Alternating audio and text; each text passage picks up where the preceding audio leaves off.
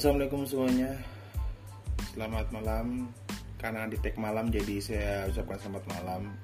Selamat datang di podcast Febong Pedere Podcast yang Febong Pedere Podcast yang cukup-cukup Banyak peminatnya ya Buat saya sendiri.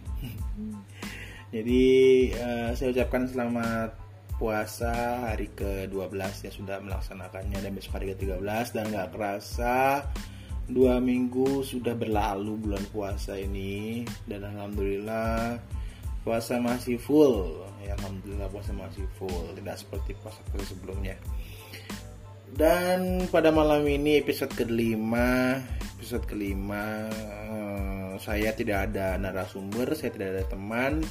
Jadi saya tag sendiri jadi saya pengen ngomong-ngomong sendiri entah apa yang saya omongin nanti. Yang pasti tetap bertemakan bulan Ramadan gitu ya. Dan saya mau ingatkan sekali lagi buat pada teman-teman semua yang selama ini bertanya ke saya Bong ya apa sih Bong cara bikin podcast? Bong ya apa sih Bong caranya biar iso ngomong-ngomong kemarin direkam kemarin ngono orang-orang orang ngomong curhatan. Dan saya tahu tidak cuma saya doang ya ibarat kata kayak um, butuh wadah untuk berkeluh kesah makanya saya akan beritahu bagaimana caranya membuat podcast. Jadi simple simple teman-teman simple teman-teman. Membuat podcast itu simple. Jadi cukup kalian rekam aja obrolan kalian. Bisa pakai perekam biasa bisa ataupun pakai aplikasi.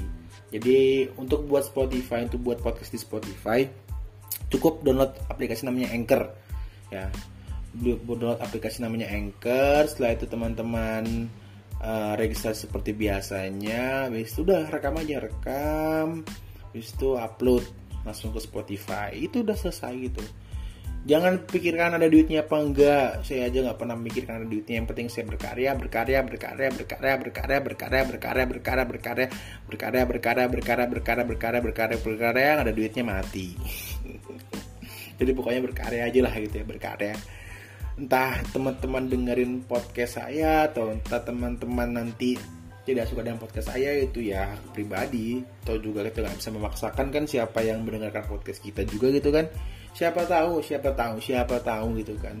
Bupati sidoarjo itu maring ini rongono podcastku kan. Maring aku diangkat menjadi uh, duta pariwisata mungkin kan ataupun duta komunikasi sidoarjo ini kita nggak tahu kan.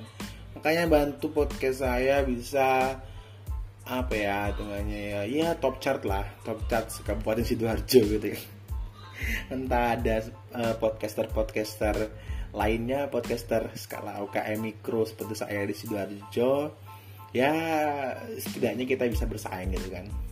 Dan episode kelima ini uh, saya ingin menceritakan bagaimana uh, berpuasa di tengah lingkungan yang hitungannya itu perantauan gitu ya teman-teman jadi saya ceritakan sedikit bahwa saya ini perantauan. Saya ini nomaden. Saya pernah tinggal di Jakarta saya pernah tinggal di Tangerang saya pernah tinggal di Medan dan juga saya akhirnya sekarang di sidoarjo di Surabaya. Jadi dulu saya waktu saya lahir di Jakarta. Saya lahir di Jakarta saya di Tangerang besarnya di Tangerang sampai kelas 5 SD lalu saya pindah ke Medan dari kelas 5 SD sampai kelas 1 SMA lalu kelas 2 SMA sampai sekarang saya di Sidoarjo hitungannya saya sudah berpindah-pindah itu tiga kali lah tiga kali. Dan bahkan untuk pindah sekolah itu saya SD dua kali pindah SMA tiga kali pindah.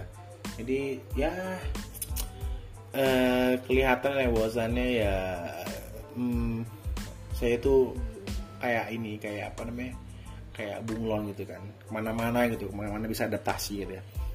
Dan jadi nggak enak jadi perantauan ya gitu. Jadi kita dipaksa untuk bagaimana bisa beradaptasi di setiap daerah gitu kan contohnya kayak dulu saya pertama kali ke Medan pun saya kaget karena apa karena eh, tipikal Medan itu kan apa ya keras keras itu kan rahang-rahang transformer gitu kan rahang-rahangan transformer jadi orang-orang Medan itu ya suaranya keras, uh, sifatnya keras, karakternya keras gitu kan. Semuanya keras nggak ada yang lunak gitu kan.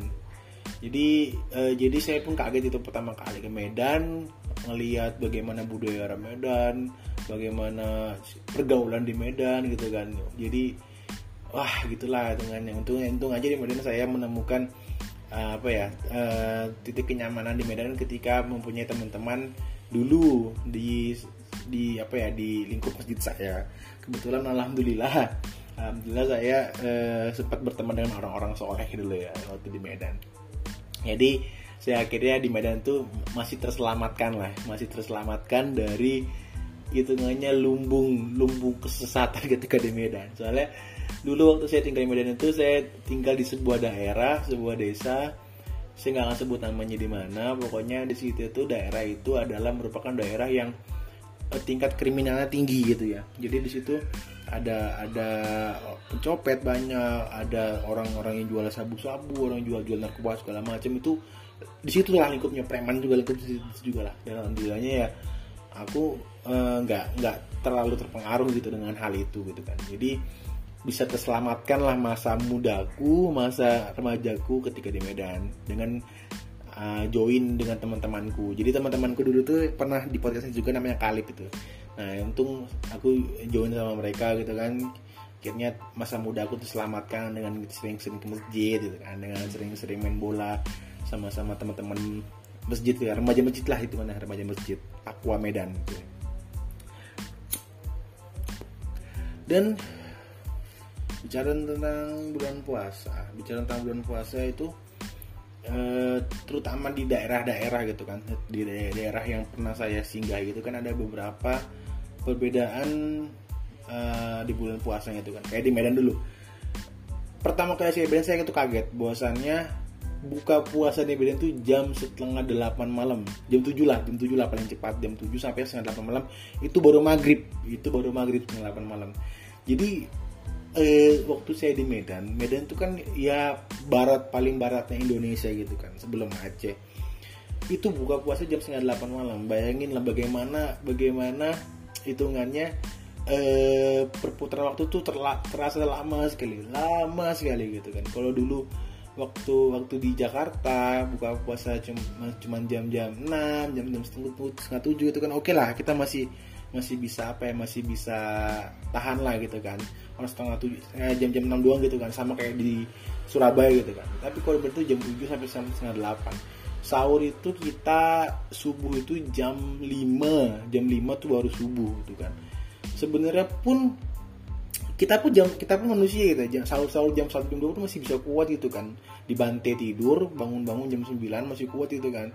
Cuman kalau di Medan itu meskipun kita bantai tidur jam 9 jam 10 bangun buka puasa itu terasa lama gitu kan. Terasa kali lamanya terasa lamanya gitu kan oh, teman-teman yang di daerah-daerah eh, Pulau Jawa tuh udah pada buka puasa jam setengah enam gitu kan. Kayak dulu kan banyak apa namanya uh, lagi lagi banyaknya sinetron sinetron bulan puasa gitu kan. Ketika nonton sinetron jam setengah enam. Kok teman-teman teman-teman yang di Jawa Jakarta kok udah pada buka puasa gitu kan. Kita belum buka puasa gitu kan. Jam setengah enam di Medan itu masih sore masih sore matahari masih di atas kepala masih di atas kepala. Baru jam 6 jam enam setengah tujuh itu baru dia mulai mulai mulai turun dia gitu kan. Jam setengah enam masih sore masih main bola jam setengah enam. Kalau di sini kan Jawa kan jam setengah enam kan udah gelap gitu kan. Di sana jam setengah enam masih sore masih main bola kita semua. Jadi eh, saya mengalami betapa sulitnya dulu berpuasa di Medan gitu kan. Bahkan selama tujuh tahun di Medan pun saya kayak aduh puasa ini berat kali gitu kan. Berat banget kan. Berat banget puasa di Medan tuh uh, akhirnya akhirnya uh, di Medan tuh banyak sekali ketika puasa itu bolong-bolong entah bolongnya seminggu entah bolongnya uh, dua minggu gitu kan. Paling parah bolongnya dua minggu waktu saya SMA itu. Soalnya waktu saya di SMA itu saya kan sekolah saya sekolah ini kan di sekolah hitungannya non muslim gitu kan non muslim jadi banyak juga teman-teman saya non muslim yang tidak berpuasa. Ya bukan bukan salah sekolahnya bukan salah sekolahnya. Tapi memang salah salah pribadinya aja gitu kan salah pribadinya aja gitu kan. Nggak kuat iman gitu kan. Berangkat sekolah puasa sampai ke sekolah buka puasa pulang sekolah puasa lagi gitu kan. Puasa lagi gitu. Itu dibantai aja lah buka buka puasa gitu kan. Kalau di Medan namanya tempus tembak puasa. Kalau di sini kan mokel kalau di Jawa kan mokel. Kalau di Surabaya kan mokel. Kalau di Medan namanya tempus tembak puasa. Itu tempus saya nih tempus tempus tempus tempus ya kerjaannya itu. Nggak pernah puasa itu. Puasa dua minggu pertama itu bolong-bolong gitu kan. Sehari puasa sehari nggak sehari puasa sehari nggak. Pokoknya kalau kalau kita di rumah kita puasa. Kalau kita sekolah kita nggak puasa gitu kan. Padahal berangkat sekolah pun nggak dijajanin gitu kan. Tapi entah kenapa ada aja uang itu buat buat buat buat apa ya? Buat mokel tuh ada aja uang itu buat tempus gitu kan jadi eh, akhirnya dinamika dinamika di Medan itu ya saya alamin lah bagaimana sulitnya berpuasa di Medan dengan jangka waktu. Jadi hitungannya mungkin ya kalau misalnya kita berpuasa mungkin sama-sama 12-13 jam. Cuman karena karena pagi setelah sahur itu kan kita masih bisa menahan lapar menahan lapar sampai sampai jam-jam 10 siang. Jadi rasa untuk berbuka itu lama di Medan tuh akhirnya bertambah 2-3 jam gitu ya kan 2-3 jam tadi aku bilang jam setengah 6 di di apa namanya di di Jawa udah buka tapi di Medan jam setengah delapan baru buka gitu kan. Jadi gap waktunya sekitar dua jam gitulah jadi akhirnya uh, di Medan baru pindah ke Surabaya itu pun kaget juga. Nah ceritakan. Ada satu momen yang yang sekiranya itu sama-sama bulan puasa yang yang sangat-sangat berbeda sekali jadi waktu aku di Medan kan karena kita si eh, pagi eh, siang eh uh, paginya itu lumayan lama jadi sholat id di Medan itu jam setengah delapan. Jam setengah delapan sholat Medan setengah delapan. Waktu pertama kali pindah ke Surabaya ya kan tahun pertama pindah ke Surabaya puasa di Surabaya kita nggak tahu dikirain kita kirain sholat idnya sama kayak di Medan setengah delapan gitu kan. Padahal kan beda beda beda waktu beda beda jam juga gitu kan. Jadi tahun pertama tahun 2014 ya 2014 itu keluarga satu satu keluarga pas bulan uh, setelah lepas lebaran itu kita berangkat lah ya kan uh, orang-orang udah terdengar lah gitu kan suara-suara suara-suara apa takbir takbir masjid kan tapi santai ya santai santai makan lontong makan lontong gitu kan makan lontong Habis itu jam setengah tujuh masih santai. Kita nggak tahu kalau sholat di sini jam setengah enam. Bahkan jam lima tuh udah mulai udah mulai datang semua apa namanya jamaah gitu kan. Setengah enam santai makan lontong, nonton SpongeBob nonton Home Alone segala macam kan. Set jam 7 santai masih siap-siap. Pas mulai mandi mandi mandi setengah 8 jadi berangkat. Pas berangkat sampai masjid orang-orang sudah bubar. Kita kirain sholat idnya jam 8 setengah 8 ternyata sholat jam setengah 6 jam 5 emang bodoh emang bodoh itu pengalaman pahit lah gitu kan kayak malu kali semua malu malu gitu kan. Kita berangkat orang-orang udah pada salaman salaman apa emang budaya sini kali ya apa emang budaya orang-orang di Surabaya kan. Kalau kalau kalau apa kalau misalnya kita uh, sebelum berangkat terawih uh, apa namanya salam salaman dulu halal bihalal dulu kan kirain kayak gitu. Kan ternyata memang setelah sholat baru halal bihalal sama aja. Cuman karena bodohnya kita bodohnya kita yang nggak tahu jam dulu gitu kan nggak nggak tahu waktu perbedaannya gitu kan perbedaannya. Dikira sama akhirnya mau nggak mau ya setengah delapan sampai masjid udah bubar udah gulung tikar udah gulung-gulung kabel mic udah angkat-angkat mimbar gitu kan dan kita baru berangkat sampai rumah ketawa-ketawa gitu kan. Bodoh kali gitu. Itu perbedaan puasa. Cuman eh, dalam apa ya di Medan pun juga sama, sama sih sebenarnya sama sama juga di Medan pun. Untuk hiruk pikuk puasa pun juga sama-sama apa ya sama-sama tinggi juga kan. Meskipun notabene mungkin orang-orang awam mengira Medan itu banyak orang Kristennya banyak orang Bataknya memang iya. Cuman hiruk pikuk di Medan pun juga dalam Ramadan pun juga sama gitu kan. Bisa dikatakan bahwasannya Medan itu eh, saya katakan daerah yang tolerannya tinggi gitu ya toleran tinggi. Jadi ketika Ramadan rame ketika Natal rame gitu kan ya dua agama itu doang lah yang hitungannya saling berdampingan banyak umatnya gitu kan. Jadi ketika Ramadan rame orang-orang itu kan ketika ketika apa ketika uh, Natal juga rame orang-orang gitu kan. Jadi tidak ada memandang bahwasannya ya aku agamaku ini agamamu itu nggak bisa gitu kan. Jadi kita sama-sama aja sama-sama menghargai sama-sama apa ya sama-sama menghormati gitu kan respect lah gitu kan. Jadi di Medan itu hitungannya respect lah ya. Nggak ada lah di Medan itu kayak kayak penggerbakan warteg gak ada. Orang warungnya buka eh, los gak ada los gitu kan. Nggak ada tutup tutupan nggak ada sama sekali gitu kan. Meskipun apa ya kayak daerah daerah nggak ada estimate ya kayak di Banten kemarin ada berita warung Tegal ataupun warkop disergap sama satpol pp disuruh buyar segala macem gitu kan. Ya hitungannya sebenarnya ya uh, untuk apa kita kita seperti itu gitu kan. Tuh juga sebenarnya ya puasa nggak puasa terserah dia gitu kan. Puasa nggak puasa terserah dia. Untuk amal ibadah orang mah jangan diatur atur gitu kan.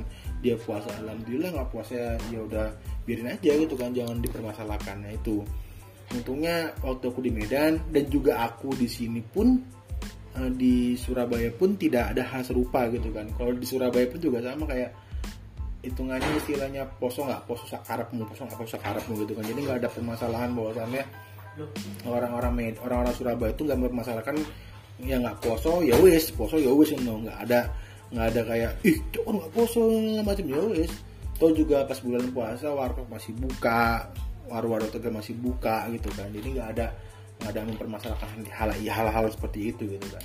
Jadi saling respect lah saling saling menghargai gitu kan. Uh, apalagi ya. Dan tadi barusan aku nonton Liverpool ya. Kita out out of ya. Nonton Liverpool nonton bola Liverpool busuk pokoknya busuk busuk alah imbang lagi gitu kan. Dua match imbang lagi. Tak kenapa kok mainnya kayak gini gitu kan jadi aku bikin podcast ini pun terpaksa kali sebenarnya terpaksa kali.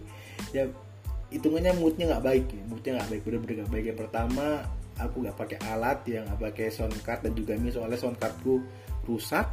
Yang kedua Liverpool bisa kalah. Liverpool bisa imbang maksudnya. Jadi eh, jadi nggak bisa gak bisa lama-lama juga lah ya buat podcast ini ya. Jadi terima kasih teman-teman. Yang penting episode kelima terisi semoga teman-teman mendengarkan merasa asik gitu kan. Meskipun aku dewi nggak asik ya oke teman-teman terima kasih banyak udah mendengarin sorry kalau soundnya kurang bagus karena rekam pakai HP bye